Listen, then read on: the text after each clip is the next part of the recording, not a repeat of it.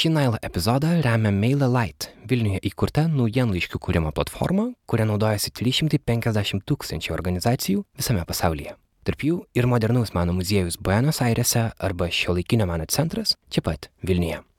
Jeigu jūsų organizacijai reikia naujienlaiškio, maillight.com yra patikrintas pasirinkimas.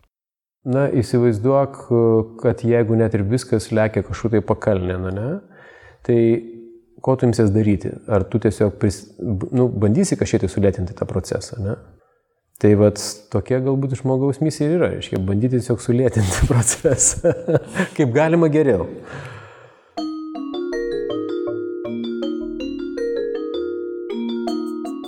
Kai Vilniaus centre praeinu pro buvusį Lietuvos kino teatrą, prisimenu ne čia rodytus filmus, nes jų ir negalėjau pamatyti, tuo metu dar negyvenau Vilniuje. Prisimenu negigantišką Ernesto Zaharevič, pirmojo Nailo pašnekovo, gatvės mano darbą, kai kino teatras jau buvo uždarytas, bet jo pastatas dar stovėjo. Ką aš prisimenu, yra tai, kad prieš 12 metų čia vyko kelias savaitės trukę protestai. Grupė aktyvistų siekia, kad Lietuvos kino teatras nebūtų nugriautas, kad planas vietoj didžiausio kino teatro miesto centre pastatyti daugiabučius namus nebūtų įvykdytas. Jiems tai iš dalies pavyko. Pastatas buvo nugriautas, bet vietoj jo dabar statomi ne būtai, o modernaus meno centras. Menininkai Nomeda ir Gediminas Urbanai buvo šio protesto organizatoriai ir vieni idėjinių lyderių. Šiandien, kai Lietuvoje protestai persikėlė į Facebooką, arba jų apskritai nebeliko, kai patys Urbanai gyvena Amerikoje, man norisi prisiminti tos laikus ir pasikalbėti, kaip šiandien Nomeda ir Gediminas mato Lietuvą, aktyvizmą Lietuvoje ir pasaulyje ir apskritai ekonomikos ir viso pasaulio joje kartu ateitį.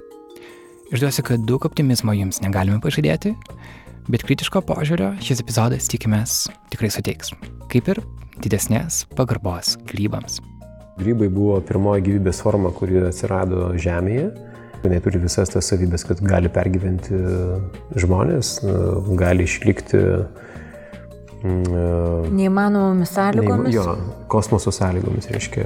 Ne tik meteoras. Radiacijos sąlygomis. Radiacijos sąlygomis, jo, reiškia, dabar surado vieną. Prie mikrofono, kiek plikimės, esu aš Karolis Višniauskas. Jūs klausote Nailo podcast'o, kuriame dekonstruojame modernų pasaulį. Nailo pristato Nanuk multimedijų agentūra. Ačiū, kad esate kartu.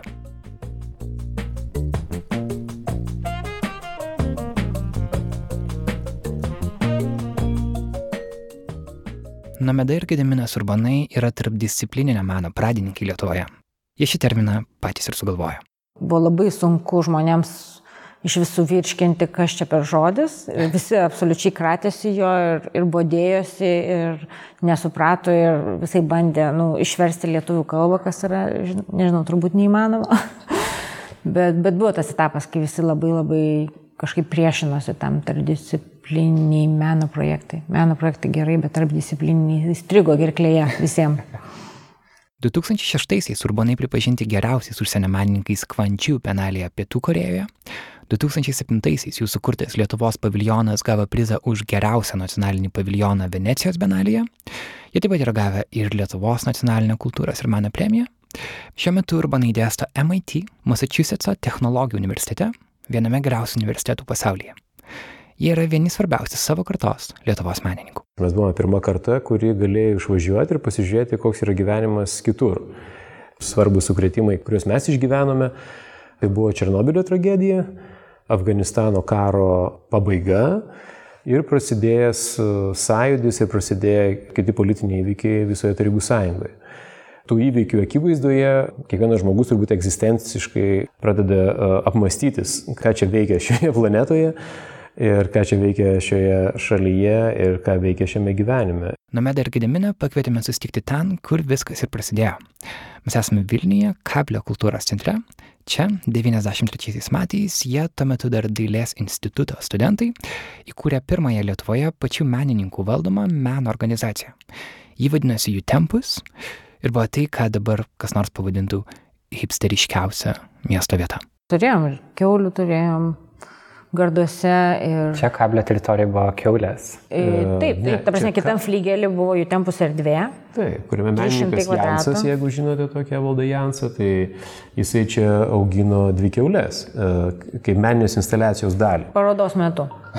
Taip, ir tos keulės užaugo ir jos išsiveržė iš gardo ir jos uh, suvalgė kanapę, turbūt gal net ir šiek tiek apsvaigo ir tada pradėjo graužti laidus video, video monitorius ir, ir šiek tiek apgadino uh, aparatūrą.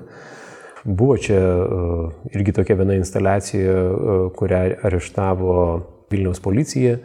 Nes čia... Vadinasi, varimas. Taip, ir buvo iš Dzukijos atvažiavo žmogus su bravoru ir buvo, kaip sakyt, varomas uh, kaip čia pasakyti? Naminukė. Naminukės. Rūginukė, naminukė. Ja, čia pasakyti pavadinimu.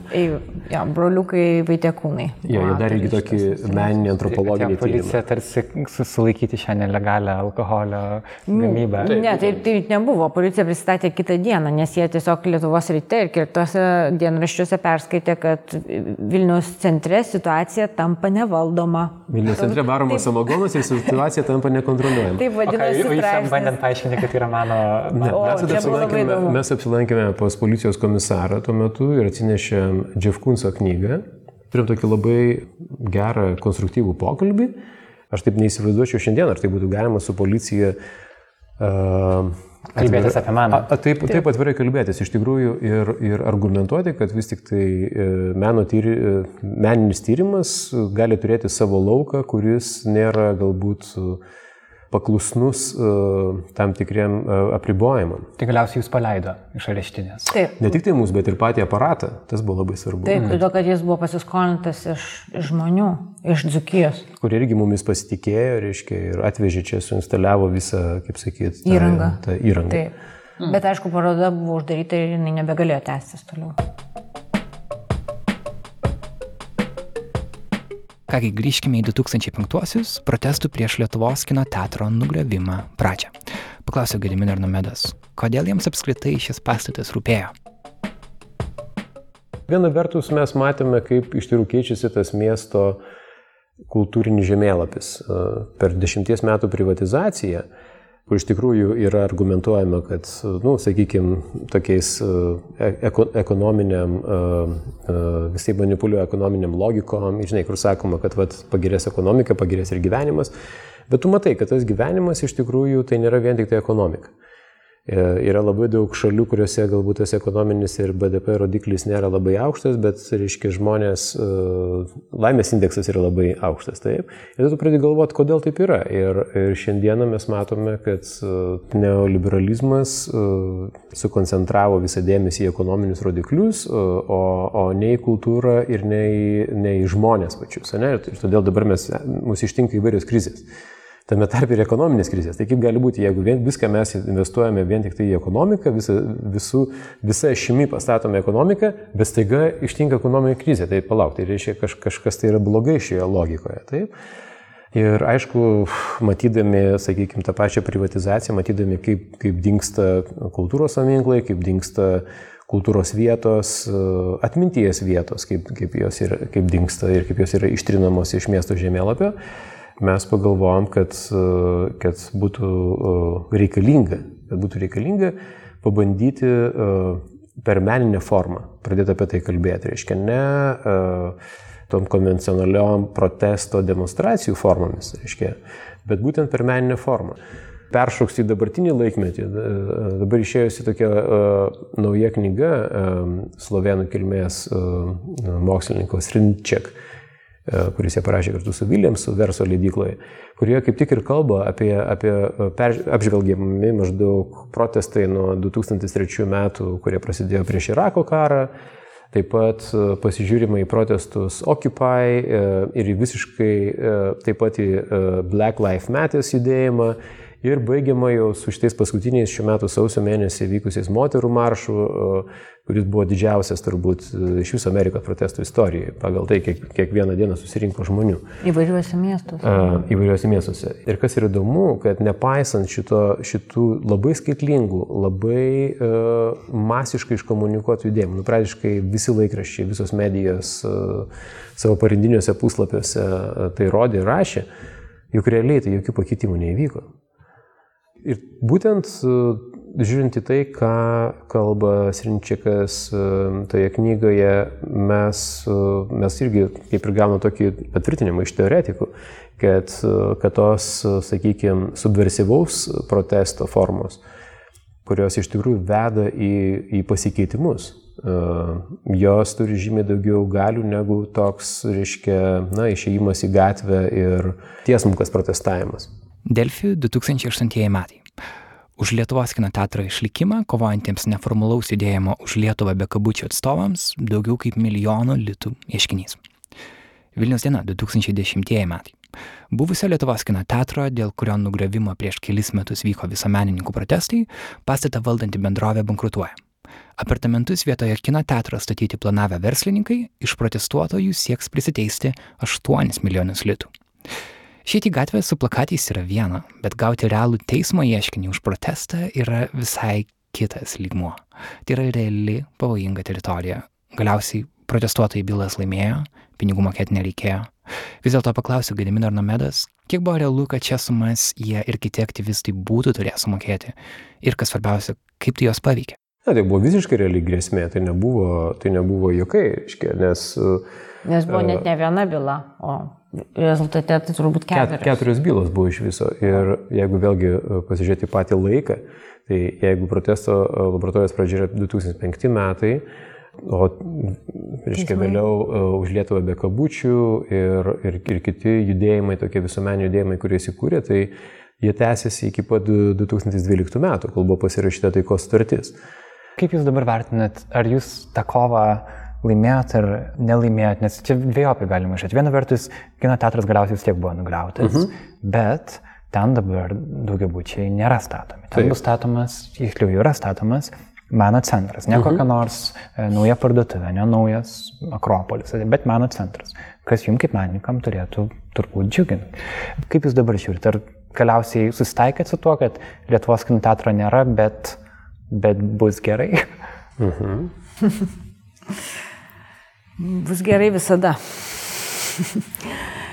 Aišku, aš, aš tai galvoju, kad bet kokiu atveju e, ta istorija yra tokia labai kontroversiška, nežiūrint net ir tos laimingos pabaigos ir meno centro, nes kaip čia mūsų viena kolegė, garsi labai kuratorė sakė, kitą kartą gal parduotuvė yra geriau negu meno muziejus. tai čia toks labai kritiškas požiūris, bet šiaip jau aišku, nu kaip jeigu jau taip atvirai pasakius, tai man asmeniškai tai muziejus yra geriau negu bet kokia parduotuvė. Na, tai galbūt uh, iš principo reikėtų tai žiūrėti, uh, kad, uh, kad mieste uh, bet kokio kultūros, kultūros taško, nesvarbu, kas tai būtų, ištrinimas ir pavertimas, ar tai priekybos taškų, ar tai kažkokių tai uh, nežinau, kitokių biurokratinių, administracinių taškų yra iš tikrųjų praradimas. Nes kas miestą daro gyvybingą, kas, kas, kas gyvenimą daro įdomu, tai įvairūs kultūros taškai. Tai be abejo Lietuvos kino teatro sunaikinimas, bet vėlgi, reiškia, kaip kultūros taško, bet, bet, bet išsaug, išsaugomas tos kažko, kažkokios tai kultūrinės funkcijos. Aš sakyčiau, yra toksai, nu, vin-vin, reiškia, tokia, toks atsiekimas. Praradimas galbūt yra ta prasme, kad, kad mes praradom iš tikrųjų unikalią salę. Tai buvo tūkstančių vietų salė, kuri buvo, kaip ir vėliau, man teko klausytis ir, ir, ir kompozitorių, ten Šarūnas Nakas, man atrodo, pasisakė dar keli žmonės, tie žmonės, kurie yra koncertavę tai salė, man atrodo, ten yra buvę ir džiazo koncertai. Tai iš tikrųjų Vilnių nėra tokios tūkstančių vietų salės, tokia gera akustika, reiškia, nes netgi filharmonijos salė yra mažesnė. Kino festivaliam iš tikrųjų tai buvo iš tikrųjų ideali erdvė ir Ir aišku, tas kino privatizacija galbūt sutapo su, su tam, tam tikro laikmečio ten galbūt problemomis, bet jeigu mes matome dabar, kiek yra susidomėjusių žmonių kinų, kaip toliau plėtojasi šitą industriją ir kaip plėtojasi pati festivalinė kultūra, tai be abejo miestų yra praradimas prarasti tokią salę. Ir galiausias argumentas tai yra dėl paties kino teatro kaip architektūrinio vieneto. Tai brutalizmo epochos pavyzdys. pavyzdys ir mes ten galim sakyti, kad ta brutalistinė architektūra dabar vėlgi yra labai ant bangos. Taip, be abejo, žmonės važiuoja pasižiūrėti baroko, žmonės važiuoja pasižiūrėti gotikos, bet kaip sakant, būkim bėdini, bet teisingi. Jeigu mane domina gotika, aš galbūt važiuosiu ten į Vokietiją arba Belgiją, jeigu mane domina barokas, galbūt į Italiją, Austriją. O vat jeigu mane domins e, brutalizmas sovietinis, aš galbūt norėsiu atvažiuoti į Vilnių, kalbant apie turizmą ir kalbant apie, apie tam tikrą tokį e, įdomų totalitarinį laikotarpį, kuris, būt, kuris yra iš tikrųjų, ne tai, kad gali būti, jis yra įdomus labai.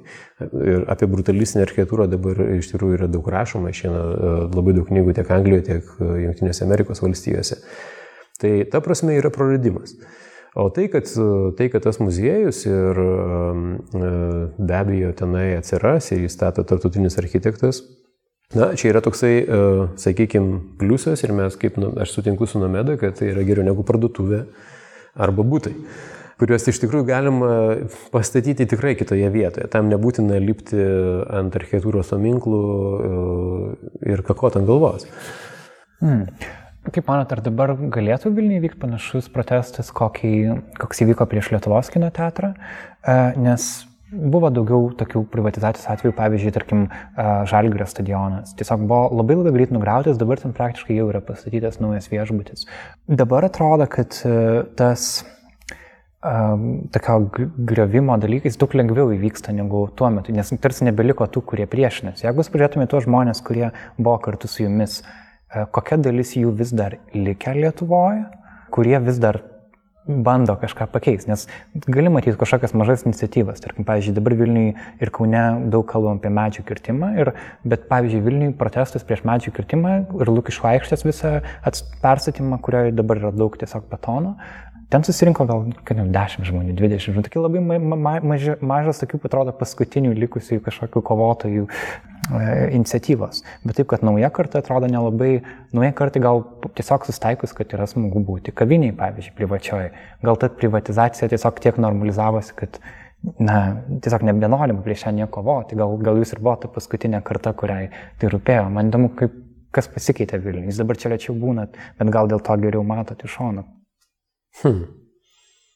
Na jo, čia, matai, čia toks labai iš tikrųjų sudėtingas klausimas. Aš šitiek paminėjau tą, e, tą Srinčiako knygą, e, kurioje jisai reflektuoja tai, kad, kad protestas e, nėra iš tikrųjų efektyvus šiandieną, šiandieninio kapitalizmo sąlygose.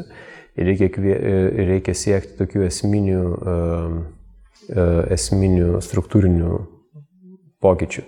Jisai pasisako už tą tokį atlyginimą, sakykime, kad visi žmonės gautų kažkokį tai bazinį, bazinį atlyginimą. Bazinį. bazinį.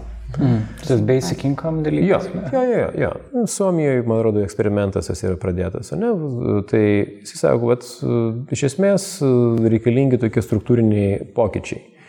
Kalbant apie šių, apie šių dienų kapitalistinę valstybę. Jis galbūt daugiau žiūri į Ameriką, bet, bet tą galima pritaikyti ir Lietuvai. Uh, kad visi žmonės gautų tą tokį bazinį atlyginimą. Taip, kad sutrumpėtų smarkiai darbo savaitė. Jo, kad, kad, nes šiandieną, šiandieną žmonės labai, tai va, pavyzdžiui, ką mes irgi matome, žiūrėdami į, galbūt, nežinau, čia esančius reiškinius, at jūsų kartą galbūt, žmonės labai vertina ir privilegijuoja darbą. Tai toks siūlymas yra šiek tiek suabejoti pasistengti gauti e, bazinį atlyginimą ir dirbti mažiau. Nu, sakėjim, keturias dienas per savaitę. Turėti daugiau laiko savo lavinimuisi. Taip. Ėjimui į muziejų. Mm. Tai jūs būtumėte už tai. Oi, taip. taip. Bet turbūt dauguma žmonių būtų už tai. Kažin. Nes paprasčiausiai, nes paprasčiausiai žmonės, e, žmonės nebetenka savo laisvės, jie nebetenka refleksijos ir, ir nebetenka uh, nebetenka to laiko, kurį galima būtų skirti protestui arba skirti savo tam tikrai kultūriniai politiniai išraiškai. Mm. Jie praktiškai visi yra įdarbinti plantacijose, reiškia, paskolų, bankų plantacijose ir dauguma yra patikėję geresnio gyvenimo iliuzijom, reiškia, ir yra įsidarbinę 20-30 metų, kad galėtų išmokėti reiškia, paskolas, ne? Ir taip žmonių gyvenimas eina. Tai, tai vat, čia reikėtų tokių struktūrinių pakeitimų, kad reiškia, kad žmonės negyventų taip liūdnai. Lietuva beveik 50 metų gyveno sovietinės okupacijos režime, todėl net ir šiandien tokios idėjos kaip bazinio atlyginimo mokėjimas, kuris yra gerai vertinamas, pavyzdžiui, Suomijoje, Lietuvoje priimamas įtariai. Dalį žmonių tai atrodo it žingsnis atgal į komunizmą. Nameda ir Gedeminas už savo aktyvizmą tuo metu kai kurių žmonių irgi buvo vadinti bolševikais. Kaip jie tai reagavo? Ne, tai e, be abejo, kad neoliberalus kapitalizmas yra suinteresuotas e, visai, e, na, užgneušti bet kokį, bet kokį solidarizavimas ir bet kokį, sakykime, žmonių kolektyvinį veiksmą. Reiškia, žmonės iš tikrųjų yra singularizuojami, reiškia, kiekvienas yra individualus, reiškia, priklauso nuo tavo individualios sėkmės tavo pasiekimai, yra akcentuojama ir privilegijuojama karjeros siekimas ir taip toliau, taip toliau. Sėkmė, ne, sėkmė būti sėkmingu labai yra svarbu.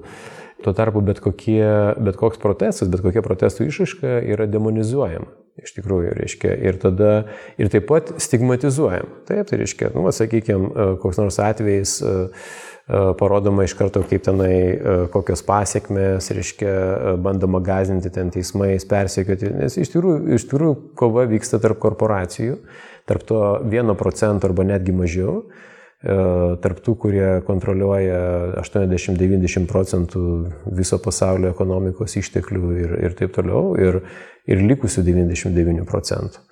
Labai įdomu yra pasižiūrėti, vat, dabar daug, aišku, atsiranda straipsnių vertinant, kas, kas atsitiko per paskutinius šimtą metų, nes, nes yra šimtas metų nuo uh, tos, reiškia, spalio revoliucijas uh, ir daug kas apmasto visas revoliucinės teorijas, reiškia, kodėl atsitiko vienaip, o ne kitaip, kaip bolševikai ten perėmė valdžią, galbūt buvo visokių socialinių idealų, reiškia, kurias turėjo iš tikrųjų revoliucijos pradžioje, sakykime kai buvo nuversta monarchija, bet viskas vėlgi, reiškia, pakrypo kitą kryptimį, kaip atsirado totalitarinė visuomenė, bet, bet iš esmės įdomu pasižiūrėti tą šimtą metų ne vien tik tai žiūrint į tai, kas vyko Europoje arba, arba šitoj pasaulio dalyje, bet kas vyko iš tikrųjų ir Amerikoje, ir Britanijoje, ir Prancūzijoje, ir kitose, reiškia, tose įsivysiščio kapitalizmo šalise.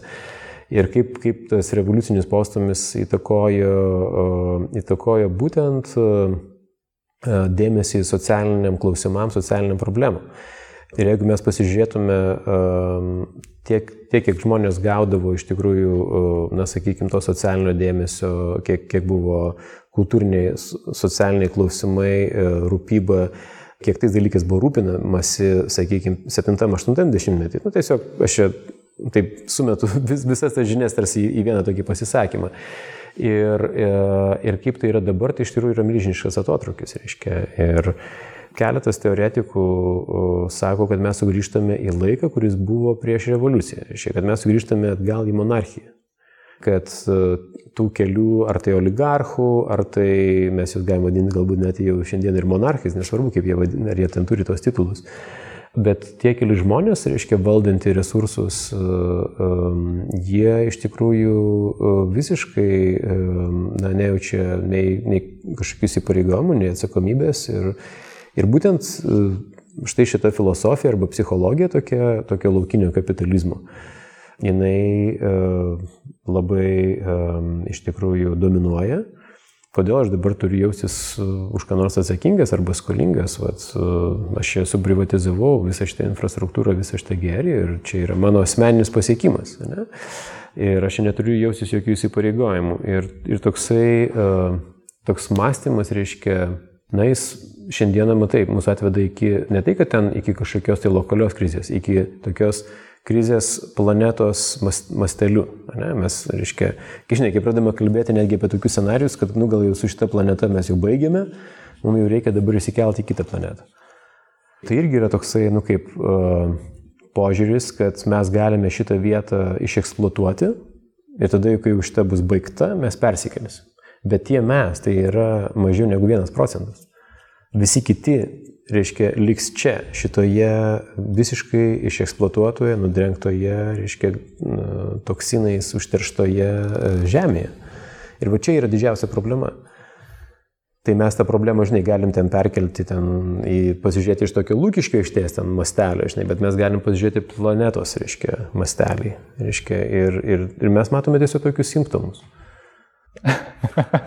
Žodžiu, nieko, nieko gero nelaukia uh, ateityje. Bet aš liksiu prie to, kad kartais čia gal toks provokatyvus požiūris, bet man gali atrodyti, kad Lietuvoje žmonės tarsi yra patenkinti arba prisitaikę prie tos naujos sistemos, nes pavyzdžiui, tarkim, daugelis menininkų mato, pavyzdžiui, kokį nors Akropolį kaip simbolį tokio, kas viso, kas yra blogai su verslu. Ir tas viskas yra suprantama, bet jeigu tu vaikštai kur nors Kauno laisvės alėje ir tu matai, kad ten nėra daug žmonių, bet tada nueini Akropolį ir ten randi labai daug žmonių. Mhm. Arba neseniai teko būti Klaipėdai, važiavau po, jau vakaras buvo mieste ir atrodė miestas labai tuščias.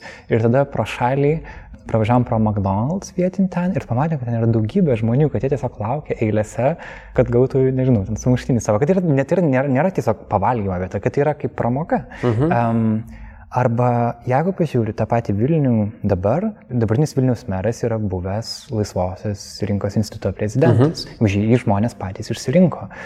Gal Lietuva tiesiog tokia šalis, kuriai tai patinka, kurio galbūt Akropolis iš ties yra lietuvių viešoji erdvė ir jiems patinka ten būti. Ir galbūt, tarkim, menininkų noras, kad ne, ne, eikit į parkus ir eikit į meno institucijas, gal tai norisi mums, bet žmonėm yra ten gerai. Mhm. Taip, mes galime paklausti, kodėl taip yra. Iš tikrųjų, ta prasme, tu klausi, kodėl taip yra ir kodėl žmonėm ten gerai. Ir mes irgi savęs klausėm. Ir... Kitaip tariant, jeigu žmonėm gerai, gal nėra problemos? Ne, ne, nesakyčiau, kad nėra problemos. O tu žinai, aš atsakyčiau galbūt kitaip. Vis tik tai uh, tiesiog žmonės neturi kur daugiau eiti. Milijonas žmonių beros m, išvažiavo iš Lietuvos, ne? Ar daugiau. Uh, ar jie ten irgi eina į Akropolius? Bet galbūt reikėtų tiesiog paklausti milijoną, reiškia, ar, ar, jie, ar jie tenai, jie ten ką, reiškia, visą laiką leidžia prekybos centruose, aš abejoju. Aš manau, žmonės gyvenantis Londone turbūt uh, turi kur nueiti, tiesa. Tai čia galbūt yra problema. Ir, ir aš dabar pabandysiu, reiškia, pasinaudoti kitų tokių pavyzdžių, kalbėdamas apie, apie šitą akropolizaciją, kad, uh, sakykime, um, didžiosios valstybės - Kinija, JAV, uh, Rusija maždaug 6,5 procento savo bendro vidaus produkto skiria dotuodami iškastinį kūrą - anglį arba naftą. Taip. Įdomu būtų pasižinoti Lietuvoje, koks tai procentas yra. Čia kaip pavyzdys, mūsų įsipareigojimo NATO ne, yra 2 procentai bendro vidaus produkto skirti gynybai, o čia 6,5 procento yra skiriama iškastinio kūro dotacijom. Taip. Kodėl aš dabar šitą pavyzdį miniu? Dabar pabandykime įsivaizduoti, kiek procentų yra skirta Akropolio dotacija. Taip, ką aš turiu omeny, reiškia, kas, kas suteikia Akropolio infrastruktūrą, jie ten patys pasistato, reiškia, ne privatizacijos, reiškia, ir taip toliau, kuriuose Akropolis ten dalyvavo, iš kur tie dalykai atsiranda. Va tas pats Lietuvos kino teatras buvo privatizuotas, kaip sakyt, šitos pačios bendrovės, kuris stovi, arba vienos iš tų bendrovių, kurios ten stovi už, už, už šito konglomerato. Tai kaip tai atsitiko, kokios ten kainos, kiek pinigų ir taip toliau. Mes galime pasakyti, kad kad iš esmės visas tas konglomeratas buvo dotuojamas. Koksai procentas bendro vidaus produkto jam buvo skirtas, ne? 6,5 ar dar daugiau. Tai va čia atsiranda, kaip tu pradedi žiūrėti tuos skaičius, pasidaro labai įdomus dalykas. Tai jeigu mes tuos pinigus, taip, dabar vėlgi tas pats pavyzdys, ne 6,5 procentų skirtume iškasto kūro dotacijom, taip, o skirtume e, inovacijų arba kažkokių tai alternatyvių energijos, reiškia, e, technologijų ar sričių paieškom, mokslo ir taip toliau, kas pas mūsų klėstėtų ir kur žmonės tada vaikščiotų. Sprendė. Tai vad, į ką buvo investuota visus 30 metų, taip, tai tenai žmonės ir eina. Suprantate, tai va čia toksai labai paprastas atsakymas. Ar jūs matot kažkokį galimybę pokyčiai, e, bent jau Lietuvos mastu, ir, tarkim, matot save grįžtančius į Vilnių?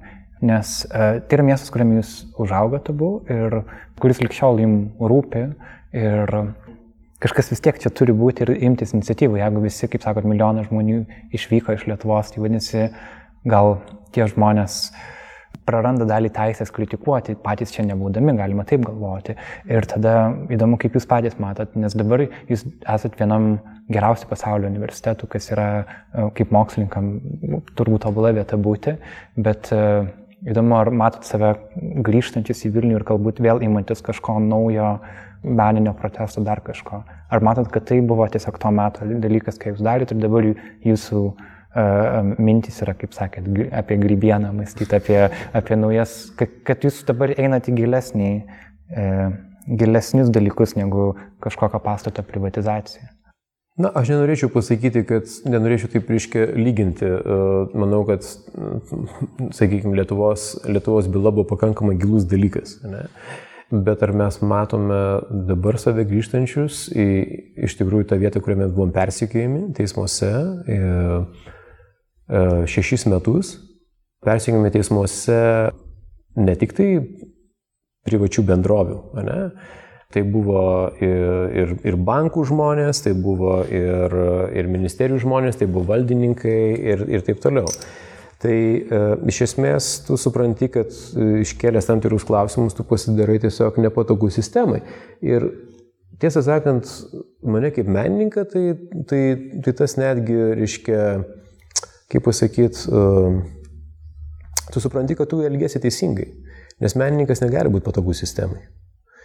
O, o tai, kad tu gyveni kur nors kitur, mes šiandien vis tiek gyvename uh, Visur. tokiam globaliam pasaulyje. Ne? Tas labai skamba galbūt labai taip, uh, jo, aiškiai įprastai, ne? Pas, tai pasakyti, kad mes gyvename tam globaliam pasaulyje, bet iš tikrųjų taip yra. Mes, mes šiandieną technologijų pagalba galim būti vienur, o iš tikrųjų uh, veikti kitur uh, ir tada dalyvauti susitikimuose trečiur ir tada vėlgi ten iš dar iš ketvirtos vietos gauti ten kokį nors garsą arba vaizdą. Tai, tai tos technologijos iš tikrųjų įgalina tą mūsų tokį keliavimą.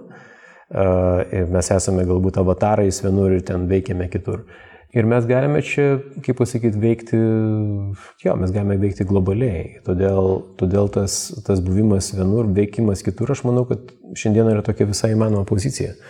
Ir gal negi tas vėlgi galvojimas apie, ten, ar tai bus globali Lietuva, ar ten kitos globalios organizacijos, ar sąjungos, ar, ar, ar solidarumas, aš manau, kad tokia visai yra įmanoma veikimo forma šiandieną. Hmm. O tas faktas, kad jūs gavot nacionalinę premiją um, ir kad vienas iš dalykų, už ką jūs gavot premiją, buvo kartu ta pati protesto laboratorija. Ar nėra tam tikro paradokso čia, kad viena vertus atrodo, jūs esat nepatogus sistemai, bet kartu esat vertinami jos. Kaip jūs patys tai reagavot, kada jūs gavot šitą įvertinimą? Nes viena vertus galima sakyti, kad geriausia išeitis būtų apskritai gal atsisakyti to apdovanojimo, sakant, kol, tarkim, Lietuvoje nebus padaryti tokie ir tokie jūsų reikalavimai. Bet kita vertus, tai yra jūsų pripažinimas ir galbūt, tarkim, kiti menininkai, kalbantis taip kaip jūs kalbantis, kalbant Lietuvoje, būtų nurašomi kaip kažkokie, nežinau, protestuotojai, kuriuos tiesiog, į kurių balsą nereikia žiūrėti. Jūs dabar turite nacionalinės premijos laureatų statusą. Tai, ką jūs kalbat, jūsų išsakytos tas mintis, jos gauna didesnį daug svorį. Ir man įdomu tas faktas, kaip, kaip jums pavyksta vienu metu ir oponuoti, ir kartu būti um, tokiais, mhm. tam, tame jau elitinio menininkų lygmenyje. Kaip čia pasakyti, nes nacionalinė premija visgi yra tam tikras pripažinimas valstybės mhm. mastu, kad jūs esate šitai visuomeniai svarbus, net jeigu jūs ją kritikuojate. Nu. Taip, be abejo, taip žvelgiant galima sakyti, kad nu, tai yra tiesiog puiku, kad taip atsitiko. Aš atsimenu, mes, ta prasme, irgi buvom labai sutrikę tuo metu, kai gavom tą premiją ir, ir buvo visokių minčių, bet kita vertus vis tiek yra tam tikri žmonės, kurie stovi už to sprendimo. Ir mm, jeigu jie taip nusprendė, nu, tai reikia gerbti jų, o, kitaip, jų, jų, jų sprendimą. Kitaip tariant, kiekviena sistema, kokia jinai būtų puikiai, uh, jinai turi visokių um, skilių.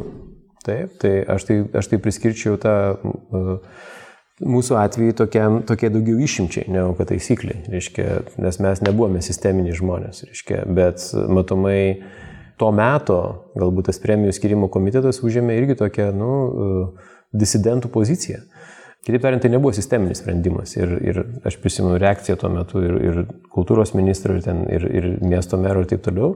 Tai buvo žmonės, kurie tikrai labai atvirai priešinosi šitai, šitam sprendimui kaip tai yra suderinama iš mūsų pačių pusės, tai aš galiu pasakyti, kad uh, jeigu ne ta premija, tai dar nežinia, kaip viskas būtų pavykę, reiškia, ir tose bylose. Ir aš manau, kad tai sudėvė tokio, nu, davė, suteikė mums tokio matomumo ir tokio politinio svorio. Ir aišku, ta premija irgi atsirado jau tada, kai mes gavome Venecijo apdovanojimą. Ir jau buvom gavę apdovanojimą Kvangdžių benalėje, aiškiai vėliau Venecijai ir aš manau, kad tai irgi gal turėjo tokios įtakos, nes, nu, jau čia tarsi ir tarptautiniu mastu kažkoks pri, pripažinimas atsiranda, tai galbūt čia reikia ir vietoje kažką tai, bet, bet kita vertus tai buvo laisvi žmonės, kurie toj komisijoje atstovavo, to, to, to žiūri ir, ir aš manau, galbūt jie irgi galvojo, nu, aš taip tik tai spėjau, aš nežinau, ką jie galvojo. Bet, bet mums iš tikrųjų mes jau buvome jau, jau reiškia, įvelti į tas, į tos, tas teisinės bylas, į tos teisinius persiekimus, kai buvo grasinama areštų ir, ir visokiam e, finansiniam pasiekmėm. Ir tai buvo tiesiog e, daroma tam, kad parodyti, ne tam, kad mus nubausti, bet tam, kad sukurti precedentą, kad parodyti visiems kitiems protestuotojams, kad negalima uh, turėti laisvės, kad negalima, reiškia, kad negalima protestuoti. Tai turėtų būti pamokomas toks viešas, nu žinai, kaip kokių ten sukilėlių pakorimas ten Lūkiškio aikštėje. Taip? Tai, uh, tai šiandien galbūt taip nepakarsi, bet vat, galima kitokiam priemonėm. Reiškia, čia ne mūsų vienus persekiojo, bet, bet tiesiog mes galbūt buvome matomi. Tai ta nacionalinė premija be abejo galbūt padėjo galbūt, uh, nu, kažkiek tai apsisaugoti viešumu nuo to persiekimo. Tai jokių būdų neturėjo galbūt įtakos ten teisminiam kažkokiem tai sprendimam, bet padėjo būtent viešumu to apsisaugoti. E, sakyčiau, jo, tokia sisteminė išimtis negu taisyklė. Bet gal tai nėra tokia išimtis jau, jeigu žiūrėti patį principą to paradokso. Tas paradoksas dažnai kartojasi, nes tam, kad tu kažką pasiektum, tu turi būti žinomas, matomas. O tam, kad tu būtum žinomas, matomas, tu turi, nežinau, naudotis tam tikrų populizmų ar kažkokį tai procentą jo naudoti savo e, veikloje, kalboje, visame kime, nes kitaip tu nebūsi matomas. Primenu, kad šį Nile epizodą remia MailerLite, naujienlaiškių kūrimo platforma, kuria naudojasi 350 tūkstančių organizacijų visame pasaulyje. Jubilė Vilniuje yra ne tik daug kompiuterių ir talentingų programuotojų, bet ir šio laikinio meno darbų kolekcija. Gera sutikti verslus, kurie vertina meną. MailerLite.com yra jų adresas.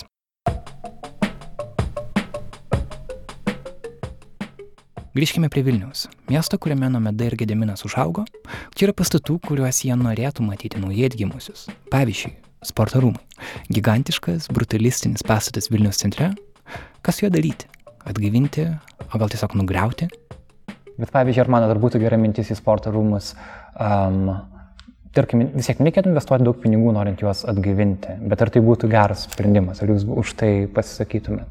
Mhm. Žinoma, aš tai pasisakyčiau tikrai už tai, kad e, bent jau vieną brutalistinį elementą išsaugot mieste. Manau, kad tai būtų košmaras, jeigu jį nugriūtų arba kaip nors perdarytų blogai. Gerai, bet kaip tada tas argumentas, kad tai yra sovietinis pastatas pastatytas okupacinės sistemos ir kodėl mes turim jį dabar juo mm, jį išsaugoti? Džiaugtis. Mhm. Gal geriau tai, tiesiog... Tai, tai Karoli, labai mano paprastas atsakymas tokiem žmonėm būtų. Tai gal pradėkime tada nuo užsienio reikalų ministerijos. Taip, ją pirmiausia reikėtų nugriauti, nes e, valdininkai sėdėtami užsienio reikalų ministerijų iš tikrųjų persima totalitarinį mąstymą, totalitarinę ideologiją ir todėl galbūt, galbūt tas lietuvių matomumas, reiškia, tartutinėje sferoje yra toks išlubuojantis Lietuvos. Taip, tai gal pradėkime nuo užsienio reikalų ministerijos, tiesiog nugriaukime ją ir suprojektuokime tenai vat, naują laisvos Lietuvos pastatą. Toliau turėtų sekti mokslininkų rūmai. Na irgi ten yra gana brangus nekilnojamas turtas, bet jis labai blogai, reiškia, nes jis yra pastatytas irgi 50 metais. metais, taigi iš viso dar prie Stalino, kaip sakyti, ne? Ir kiek tokių reikės mums tokių namų nugriauti ir pastatų, ne? Tai kitaip tariant, kaip, kaip matote iš šito tokio pavyzdžio, kad ta logika tai nu, neveikia, ne, reiškia, nes mums reikės turbūt pusę Lietuvos nugriauti, reiškia, jeigu mes pradėsime visus, sakykime, visą tai, kas buvo pasivę nuo 45 ar iki 90, iki 90 metų, reiškia, nugriauti, ne, vien dėl to, kad tai buvo sovietiniais laikais pastatyta. Ne.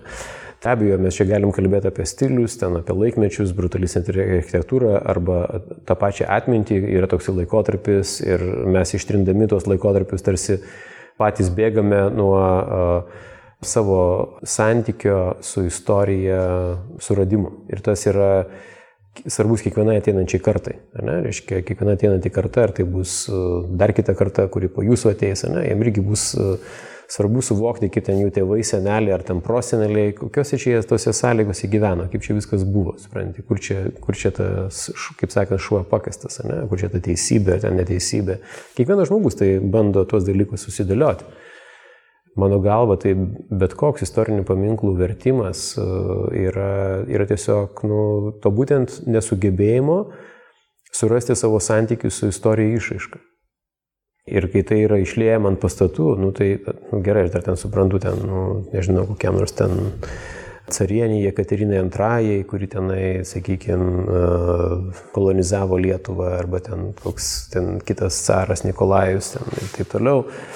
Bet, bet Sporto rūmai, reiškia, taip, jie buvo pastatyti tam tikrų laikotarpių, bet, bet jų, atsiprašau, reiškia, funkcija taigi yra kultūrai, reiškia, sportui, taip, yra inžinierinis pasiekimas, galų gale, kur irgi buvo įvertintas beros ir premija, yra iš tikrųjų pastatas, kur, kuris sukeltų susižavėjimą daugeliu žmonių ir turistų ir, ir galėtų netgi tapti tokiu trauk, traukos objektu, reiškia, kuriuos specialiai važiuotų žiūrėtis, ne? Ar jisai turi kažkokių tai konotacijų ten su tremimais, su gulagais, reiškia, tai čia žinai, nu, toks pritempinėjimas, reiškia, yra tiesiog. Ir aš net nemanau, kad žmonės taip galvoja, aš net, visur operuojama ta tokia frazė, žmonės taip galvoja. Aš nemanyčiau, kad žmonės taip galvoja, aš manyčiau, kad tiesiog ta retorika, reiškia, stigmatizavimo tam tikro istorinio laikotarpio arba pastatų arba tam tikrų išaiškų yra tiesiog naudinga vienom ar kitom lobistiniam grupėm, kurios tiesiog gali tenai kažkokią tai veik, ūkinę, kaip sakant, ūkinę veiklą vykdyti. Vystyti. Vystyti, ja. ja tas tiesa. Ir... Tai aš ir sakau, kad iš esmės viskas yra tai, kaip mes kalbame, ką mes sakome ir kaip mes plauname kitiems smegenis. Tai jeigu, žinai, mes turim tokius rūporus, kaip tas pats Laisvos rinkos institutas minėtas, ar ne, kuris tam tikrais momentais labai reikšdavosi, atsimenu, spaudoje netgi ir e, protestų laboratorijos atveju mes turėjom, nu kaip reikiant tokią ataką, ar ne, teorinę iš, iš jų pusės. Tai... Jo, kur bandoma aiškinti, kad uh, nėra viešo intereso, yra tik tai, nu, nėra viešo intereso, tokios kaip savokos, nu, nėra. Jūs kovojate už tai, kad galėtumėte žiūrėti kažkas už to kiną. Ja, kažkas ne, yra, yra, kažkoks yra, privatus yra, interesas už tai, to vis tiek stovi. Yra daugis e, privačių, interesų, privačių individualių interesų.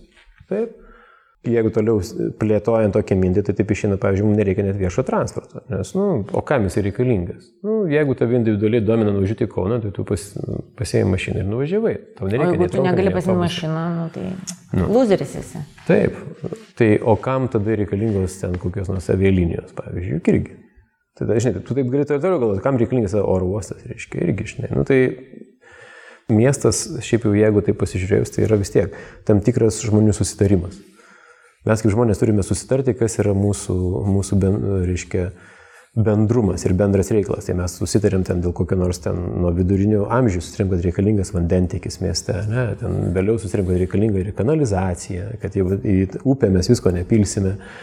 Dar vėliau mes susirėm dėl elektros, dar vėliau mes susirėm ten dar dėl kokių nors tinklų, susirėm dėl viešo transporto. Žinai, yra labai daug bendrų. Dėl kino teatrų ir kultūros. Tai, tai, tai nėra, reiškia, kažkokių tai individualių privačių zonų tiesiog konglomeratas. Ne?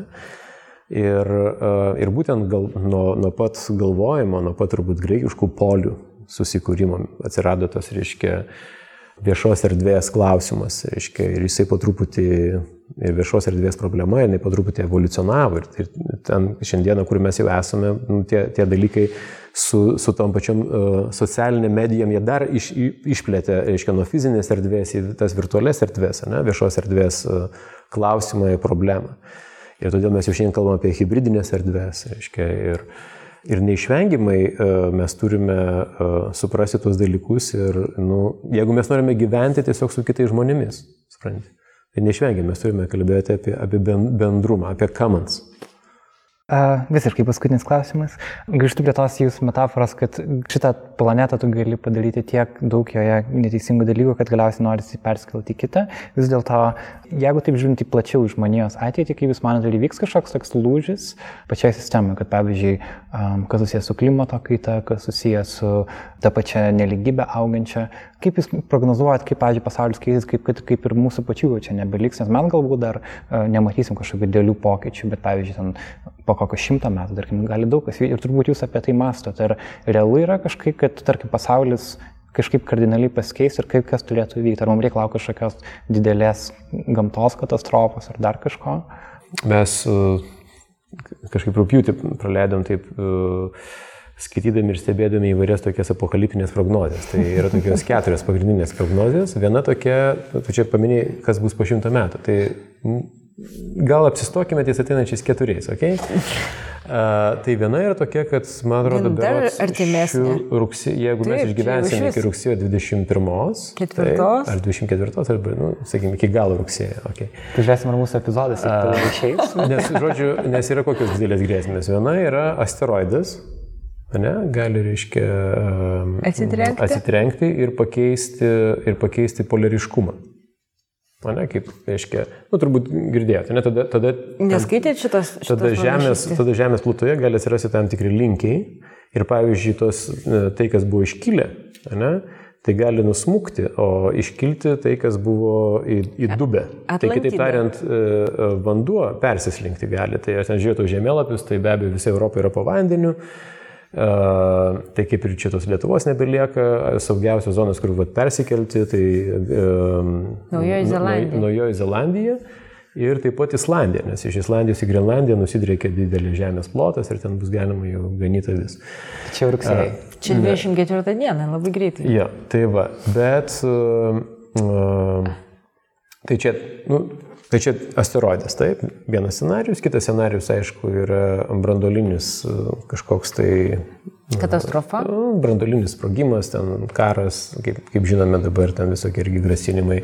Bet yra iš tikrųjų kelios tos valstybės, kurios operuoja tais brandoliniais pajėgumais ir, ir jos ten vienaip, vienose, vienokiose ar kitose konfliktuose ten bando ten demonstruoti tą savo galę. Ir tu niekada nežinai, kieno rankose ten, kur ten kas gali pajudėti. Ir, Kiek tos scenarius ten turi, ten tų, žinai, procentų, mes, nu, sakykime, nežinom, bet, nu, bet mokslininkai kalba, kad šalia asteroidų mes turime tą brandolinį ir aišku, įvykus tam tikram, tam tikro, uh, uh, sakykime, stiprumo tam brandoliniam poveikiui, vėlgi tas pats polariškumas gali būti paveiktas. Reiškia. Tai ne tai, kad ten mes turime ten Hirošimos ar Nagasakio ten problemą, žinai, kur ten išdeginti yra tie miestai ir ten lieka il- ilgam uh, tie radionukleoidai, ką mes turime beje ir po Fukushimos, bet uh, nu, tragedijos, bet ar ten po Černobilio, bet, uh, bet čia kalbam apie, apie tai, apie didesnės, didesnio stiprumo poveikį, kur polariškumas pasikeičia.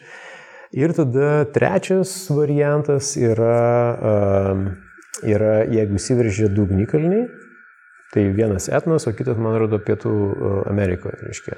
Jeigu irgi keliose pasaulio šalise ir jeigu jie sutampa tas laikas, kas nu, yra pakankamai tikėtina, reiškia, uh, kad taip gali atsitikti, nes etno taip jau keletą metų mes matome tą etnos prabudimą. Ir jeigu jie įsiveržia, tai tada jie gali sukelti irgi Žemės pačios, pačiai plūtai tokį, reiškia, uh, poveikį, kur, kur gali tos tektoninės plokštės pradėti vaikščioti. Ir tada gali tas polariškumas pasikeisti. Tai vat, mes, turime, nu, mes turime iš tikrųjų tokius viso pasaulio galbūt ateitį raidą nulemenčius faktorius. Reiškia, tai, ir žinai, ir galvojant, čia vad yra tos galvojimas planetos mastelių, žinai, tu negalvoji ten, nu, ar tenai lūkiškiai aikštėje arklys turėtų būti su uodegai viršų pakelta, ar visai ją pačią nuleista, ne? Bet atsiranda kažkoks kitoks galvojimas, ne? Ir šiandieną man atrodo, kad mums visiems reikia tokio planetos, reiškia, mastelių daugiau galvoti, o, o ne, ne vien tik tai apie tą, žinai, arklio uodegos e, pakelimą. Um, neoliberalus kapitalizmas mus, reiškia, priverčia individualiai galvoti apie mūsų atsakomybę, ten, sakykime, planetos atžvilgių arba aplinkos, aplinkosaugos atžvilgių. Ne? Tarsi individualiai. Nu, vat, tu karaliui rušiuok ir viskas bus gerai. Supranti. Kritika tokio požiūrė, ta, kad čia, čia pasigendama tokio solidarumo, reiškia, solidarios akcijos. Iš tikrųjų turėtų atsirasti didesni judėjimai, kurie kovotų grinai dėl išlikimo, nes čia yra, čia jau mes kalbame ne tai, kad ten apie ten, žinai, kokio nors Rokiškio rajono ten kovą su skalūnų ten paieškomis ir bandymą išsaugoti savo gruntinius vandenis. Bet čia mes kalbame apie žmonių kaip rušies išnykimą. Žinai. Ir jūs manom, kad tai visiškai realu. Nu, kaip tu pasakyt? Nežinau, jeigu taip žvelgti tai, kai mokslininkai aiškina apie kitų rūšių išnykimą, koks jis yra progresyvus, kaip sakant, kaip jis progresuoja, ne? tai, tai yra realu. Kas kažkiek tai tūkstančių metų, sakykime, ten toks, uh, man atrodo, prieš 30 tūkstančių metų buvo toks, kaip reikiant, uh, uh, rūšių išnykimas, ne? Bet žmonija išliko. Taip, uh, žmonių išnyko, bet buvo labai sumažėjęs. Uh, tai gali pasikartoti. Tai, tai tiesiog, žinai, nu, mes čia galim sakyti, mes nežinom, ar tai bus šiais metais, ar gal ten bus, bet, bet mes gyvename dabar, mes gyvename dabar tame laikė, kai tai gali atsitikti. Tiesiog aš tai noriu pasakyti. Kita yra tokia tendencija įdomi, čia turbūt ir Lietuvos spaudoje apie tai rašė, nes daug kas išsiverčia ir, ir išsispausdina. Mm, vat kažkodėl tai tie, tas vienas procentas tų, arba ten dar mažesnis tų pasaulio, kaip sakyti, turtingųjų, jie iš tikrųjų desperatiškai domisi apgyveninimu kito, kitose planetose, evakuacijos ten visokiais būdais, bunkerių e, įsikusimų, arba netgi superkinėja nekilnojamą turtą ir žemės, būtent tose vietose, kurios išliks, reiškia, dėl, ne, nu, ne, neįlinks, reiškia, bet ten, iš, taip pat kaip Naujoje Zelandija, ten ir panašiai. Tai aš nežinau, kaip tai galima būtų interpretuoti ir paaiškinti. Gal tai tiesiog biznio planas kažkam tai. Tokių mokslinių teorijų skelbimas. O gal poliriškumo pasikeitimas yra biznio planas? Gal.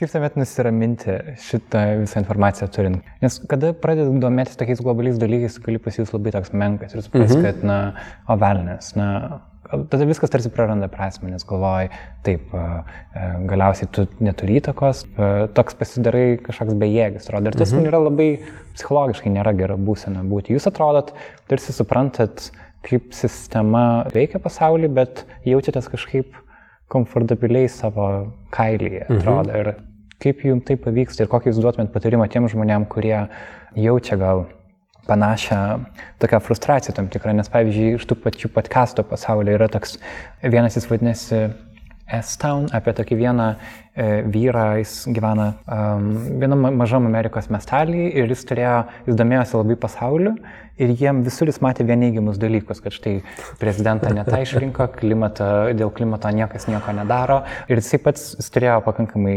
pinigų, pakankamai viso, kas galėtų jį normaliai leisti gyventi, bet tas matymas, kiek daug tokios neteisybės pasaulyje, jis labai tokį beviltiškumą sukelia ir tas nėra gerai. Man mhm. įdomu, kaip jūs, ką jūs siūlytumėt žmonėm, kurie irgi kuo daugiau pasaulio domisi, tuo labiau mato, koks jisai kreivas yra. Aš tai tikiu vis tiek grybais. Nes jeigu, jeigu iš tikrųjų grybai buvo pirmoji gyvybės forma, kuri atsirado Žemėje, Ir jinai, nu, iš tikrųjų, jinai turi visas tas savybės, kad gali pergyventi žmonės, gali išlikti. Mm, Neįmanomomis sąlygomis. Neįma, jo, kosmoso sąlygomis, reiškia. Ne tik meteoras. Radiacijos sąlygomis. Radiacijos sąlygomis, jo, reiškia, dabar surado vieną, vieną reiškia, išaugino grybą iš micelių, kurį surado uh, iš viso 9, 7 km gilyje, reiškia, vandenino dugne. Uh, kur jau jokios gyvybės nėra, degonės ir taip toliau, tai ten surado, reiškia, tą grybą. Tai jo, tai grybai yra labai labai tokie, mm, jo, jie gali gyventi atsparus, jie gali gyventi tokiam sąlygom ir, ir galvojant apie juos kaip apie tam tikrą aukštą, nu, turinti kažkokią tai programą, reiškia, kuri gali pergyventi net ir žmonės. Nu, vis tiek čia turėtų būti kažkokia tai, nebent, sakau, nebent ir tas grybų samokslas, reiškia, ir grybai yra, e, galvoja, kad jiems gali būti naudinga sunaikinti šitą planetą, reiškia, ir tada su kažkokiais tai dar ten skaidulom pat, patekti kitur. Um, bet jo, kas padeda išlikti, žinai, optimistiškam, um, matai, uh, Na, įsivaizduok, kad jeigu net ir viskas lekia kažkur tai pakalnė, na, ne, tai ko tu imsies daryti? Ar tu tiesiog pris, nu, bandysi kažkiek tai sulėtinti tą procesą, ne? Tai vad tokia galbūt žmogaus misija ir yra, reiškia, bandyti tiesiog sulėtinti procesą, kaip galima geriau. Pavyzdžiui, išbėgti į Teivingio parką. Ja. Kuris dar neprivatizuotas. Kuris dar neprivatizuotas. Nors ten jau yra ten kažkokių tai lentelių. Mačiau, ten šita, šitas medis yra remiamas ten, reiškia, banko ten kažkokia tai ir panašiai. Tai. Ja. ja, bet... Um, bet... Uh, bet matai, kokie gražų žmonės Vilniui. Ja. Kai klausai, ką pastebit, kad važiavę, aš visada pastebiu, kad jauni žmonės yra labai gražus. Nu, o jeigu žinai, kaip sako, grožė slypi tiesa, tai galbūt jeigu gražus, tai gal ir teisingas. Ačiū labai. Tai dėkui tau, Karai. Ačiū.